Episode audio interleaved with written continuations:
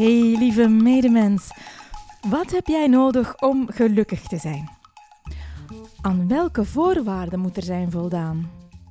Welke wensen wil je vervuld zien voor je denkt te kunnen beginnen aan je geluk?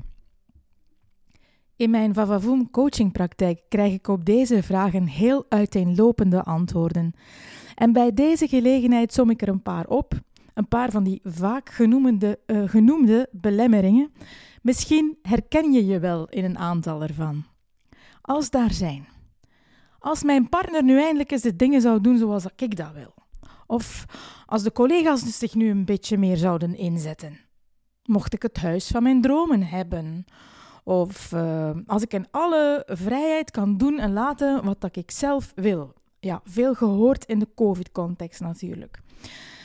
Als ik met pensioen ben, als het mooi weer is, als mijn favoriete team wint. Mochten mijn vrienden mij meer kunnen bewonderen voor mijn talenten, als ik meer geld heb, als het huis helemaal opgeruimd en netjes is, als, als, als, als, als, als, als, en nog liefst al die alsen samen, dan zal ik echt gelukkig zijn. Oké, allemaal voorwaarden waar je heel lang en misschien wel eens eeuwig en een dag kunt opwachten. Want één ding hebben al deze condities gemeenschappelijk. Ze maken dat jouw geluk afhangt van wat iemand anders doet of net laat. Of van hoe je omstandigheden eruit zien. Dus dat is toch te gek? Om iets wat zo belangrijk is als jouw geluk uit handen te geven. Je leven en hoe dat eruit ziet, maar vooral hoe jij je voelt, dat bepaal je toch liever gewoon zelf. Nog nooit over nagedacht? Dan is dit misschien wel het goede moment. Power. Punch. Personality.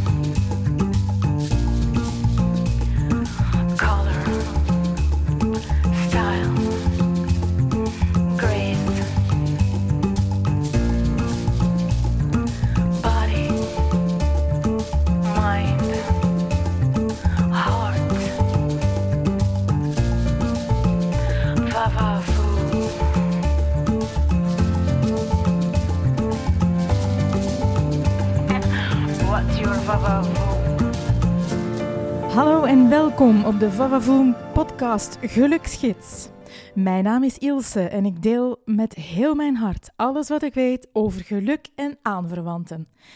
Elk gelukkiger individu maakt namelijk een net iets gelukkiger samenleving en gezien gelukkige mensen ook gezonder zijn, en dat is echt bewezen hoor, is dit in tijden van virussen en andere bedreigingen misschien een logisch ding om te doen. Toch? Even een bommetje droppen. Wist je dat geluk er eigenlijk gewoon al helemaal voor je is? Ja, misschien vind je mijn bewering straf en zelfs compleet van de pot gerukt, maar zonder jou te kennen durf ik dat onomwonden te stellen. Meer nog, ik durf zelfs te zeggen: als jij dat nu niet kunt zien, dan is dat omdat het gaandeweg onder allerlei onbelangrijke dingen ondergesneeuwd geraakt is.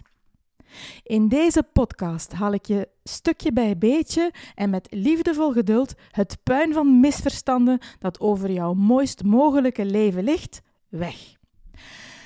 Laat aan je voorbij gaan wat je niet aanspreekt of gelooft, maar niet zonder het eerst een kans te geven. Alles is getest en goed bevonden en jouw vavavoom wordt er weer wakker door. Dus abonneer je alvast. Je krijgt een massa aan informatie waarnaar je kunt luisteren wanneer je ook maar wil en het is helemaal gratis.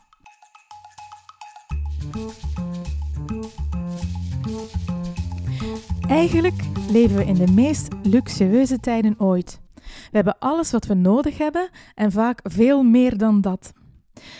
Hoe komt het dan dat de vraag rond geluk meer dan ooit brandend is? Wel, eigenlijk is het simpel. Als je je moet richten op overleven, op jezelf en je kinderen veilig houden en te eten geven, dan heb je geen tijd voor diepere levensvragen. Maar nu we dus meer spullen hebben en luxe dan voorheen, beginnen mensen zich meer vragen te stellen en is er meer die kwestie van: is dit het nu eigenlijk wel allemaal?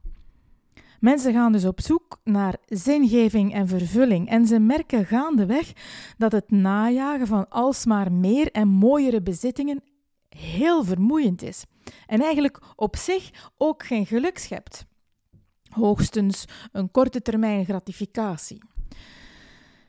Simpel voorbeeld van dat peperdure spul dat je eindelijk na lang cijferen en twijfelen kocht is het fake geluksgevoel vaak na een paar dagen of een paar weken al omgeslagen in gewenning. En dan merk je dat het toch eigenlijk niet zoveel brengt als dat je eigenlijk wel gehoopt had. Ja, op een paar lovende commentaren van je buur links en uh, die van je vriend rechts, nou, flakkert er hier en daar misschien wel iets van een gevoel in je op. Maar dat zou ik dan eigenlijk bezwaarlijk geluk durven noemen.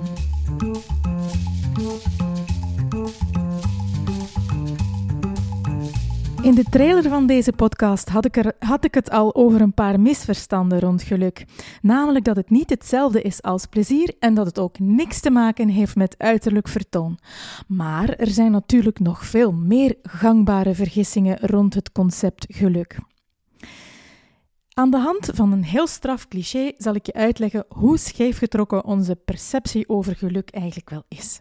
We nemen als voorbeeld de lotto winnen. Het scenario bij uitstek en de geluksfactor die volgens de meeste mensen het verschil kan maken. We hebben het dan natuurlijk over de grote pot, hè? uiteraard de miljoenen euro's. Heel veel mensen hebben dit als ultieme droom, want dat betekent voor hun dan niet meer moeten gaan werken, geld zat, alles kunnen kopen wat je wil, op een zonovergoten eiland met palmbomen kunnen gaan leven en cocktails drinken bij een zoel muziekje. Met andere woorden, alle problemen in één trek van de baan. Wat de droom ook maar is, de lottopot kan hem, denken we, waarmaken. Maar, en nu speel ik even geen lotto, maar advocaat van de duivel. Eigenlijk, en ik hoop dat ik het goed uitleg, eigenlijk is de lotto winnen een neutraal gegeven. Het is niet per se, tussen aanhalingstekens, een geluk. Want iedereen gaat op een andere manier met zo'n gegeven als een grote beschikbare som geld om. Ik heb bijvoorbeeld zelf ooit een lotto-winnaar gekend. Voorheen had hij geen centen en als hij er al had, dan kon hij er niet mee omgaan. De man bleef, ondanks het fortuin dat hij dankzij het invullen van de juiste cijfers had gewonnen, nog altijd dezelfde man, ondanks zijn rijk gevulde bankrekening. En hoewel hij dus zijn plunje inruilde voor een blitswit pak en voortaan gemanicuurd en met zijn neus in de lucht ten tonele verscheen overal en nergens, was zijn innerlijke barometer onder nul blijven staan. En dus de centen die waren in geen tijd erdoor. Erger nog, hij liet een diepere put achter dan ooit tevoren. Dus waar zit dan het geluk? Dat is toch een terechte vraag, hè? In zijn geval eindigde dus die lottowinst in een regelrechte nachtmerrie. Een ander voorbeeld is dat van een koppel dat het ineens nergens nog kon over eens raken wat het spenderen of investeren van het gewonnen bedrag betrof, met een pijnlijke breuk als gevolg. Het is dus maar hoe je het bekijkt, en zo is dat met alles in het leven. Even terzijde, nu we het toch over geld hebben. Eentje voor mensen die in de overtuiging leven dat geld niet gelukkig maakt of dat geld stinkt. Gelukkig maakt het inderdaad niet, al heb je het wel nodig om uit die overlevingsmodus te blijven.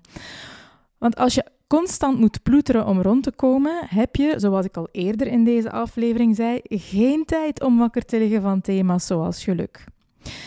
Maar stinken doet het mijnziens alleen maar als je op een onrechtmatige manier je centen hebt verworven, namelijk door het te stelen of door het op de rug van iemand anders te verwerven. En ik zeg hier dus met opzet niet verdienen. En dat is een hele belangrijke. Er bestaat een ernstige misvatting rond geld, rijkdom en macht. Mensen die vinden dat het doel de middelen heiligt, die komen daar misschien wel een hele poos mee weg, maar ze beseffen meestal niet dat ze in de eerste plaats zichzelf uithollen. Aan het eind van hun leven, daar werden bevragingen rond gedaan op palliatieve afdelingen, is de meest gehoorde verzuchting had ik maar meer tijd en aandacht besteed aan wat er werkelijk toe doet, namelijk de relatie met mijn dierbaren en mijn medemensen in het algemeen.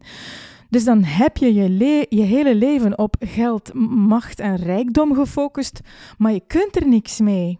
En aan het eind van je leven is er uiteraard geen weg terug. Dan is er alleen spijt. En die spijt, de spijt over een verspild leven, die wil je niet voelen.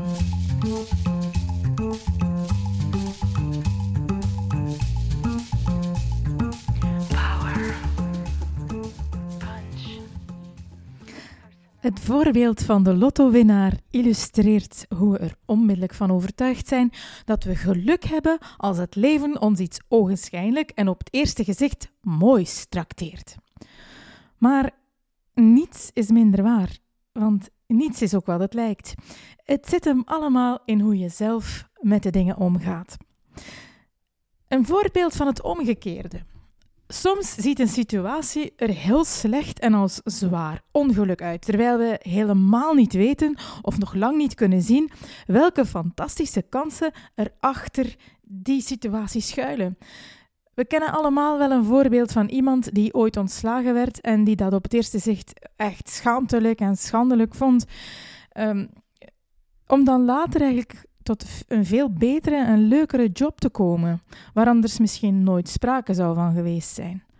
Of nog, er zijn verhalen bekend van mensen die stonden te vloeken en te tieren omdat ze hun vlucht hadden gemist, om zich dan achteraf te pletteren te schamen omdat het vliegtuig uiteindelijk crashte en ze dus eigenlijk door een speling van het lot gespaard waren gebleven. Maar bon, dit terzijde en ter illustratie. We gaan verder op zoek. Waar zit geluk dan wel in? Ah, denken veel mensen dan, die persoon, die persoon gaat mij gelukkig maken. Ik kan het voor mezelf niet waarmaken, ik ben trouwens niet graag alleen, dus met hem of met haar erbij zal het allemaal wel lukken. Hij zal mij bevestigen, zij zal mij beter maken, ik zal me geliefd voelen of gesteund, financieel wordt het makkelijker, alleen maar voordelen. Tot de ander het niet langer kan blijven inlossen, niet aan het eisenpakket kan blijven voldoen, of er zelfs onder druk van de constante verwachtingen gewoon de brui aangeeft. Oh hel, en was ik maar bij moeder thuis gebleven. Nee, dat is het dus ook niet. Ook hier vinden we geen puur geluk. Iemand anders kan ons niet gelukkig maken. En wacht, dan hebben we deze nog. Kinderen. Kinderen zullen mij gelukkig maken. In de roze wolk van een baby zien we de levenslange en extreem moeilijke opdracht om dit persoontje op een krachtige manier in het leven te zetten nog lang niet. Ja, die baby ruikt zoet. Het huidje is zacht. Het is zo schattig. Het kindje komt in wat ik onze basisversie noem. Eh, dat is een toestand van absolute gelukzaligheid. En alles is goed. Maar daar komt snel een praktisch verandering in, want het eet niet makkelijk, het huilt veel te veel s'nachts, het poept alles onder, het zit onderaan in de groeicurve en later zijn er dan andere issues, want papa vindt dat hij dit moet worden en mama vindt dat zij dat moet doen. Papa en mama vinden dat de rapporten veel beter kunnen en dat eerste lief, daar worden ze ronduit wanhopig van. Kortom, wederzijdse frustraties ontstaan en er is ondanks het graag zien en de onuitwisbare bloedband ook heel veel gedoe. Vele van mijn vrienden verzuchten, hoe graag ze hun kinderen ook zien, hadden we geweten hoe zwaar het zou zijn, we waren er niet aan begonnen.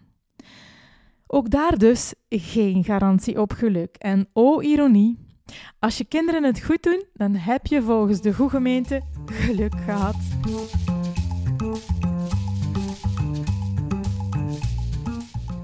Ik haalde het in de eerste aflevering van deze podcast al aan. We denken het allemaal te weten en te moeten bepalen in de ruimte tussen die twee oren van ons. Maar de afstand tussen onze oren is piepklein in het grotere geheel. En toch hebben we de pretentie om tussen aanhalingstekens te weten hoe het best is, hoe het had moeten zijn en hoe het straks hoort te zijn.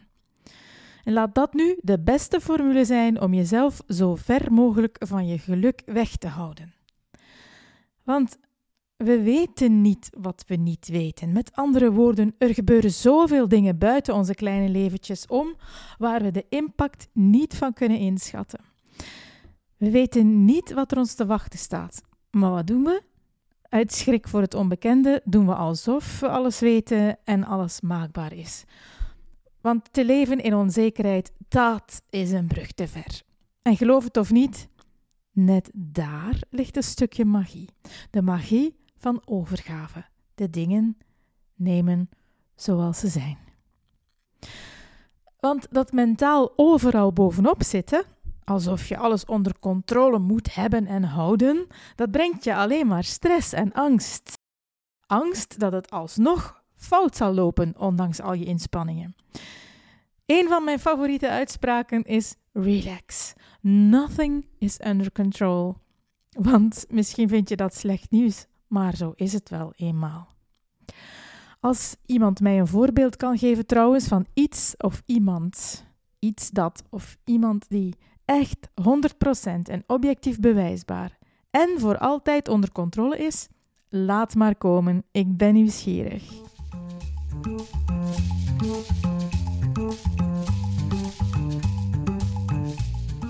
Ik beloofde je zoveel mogelijk met je te delen over wat ik al weet in dit thema, wat ik ontdekt heb in mijn jarenlange verkenningstocht over geluk.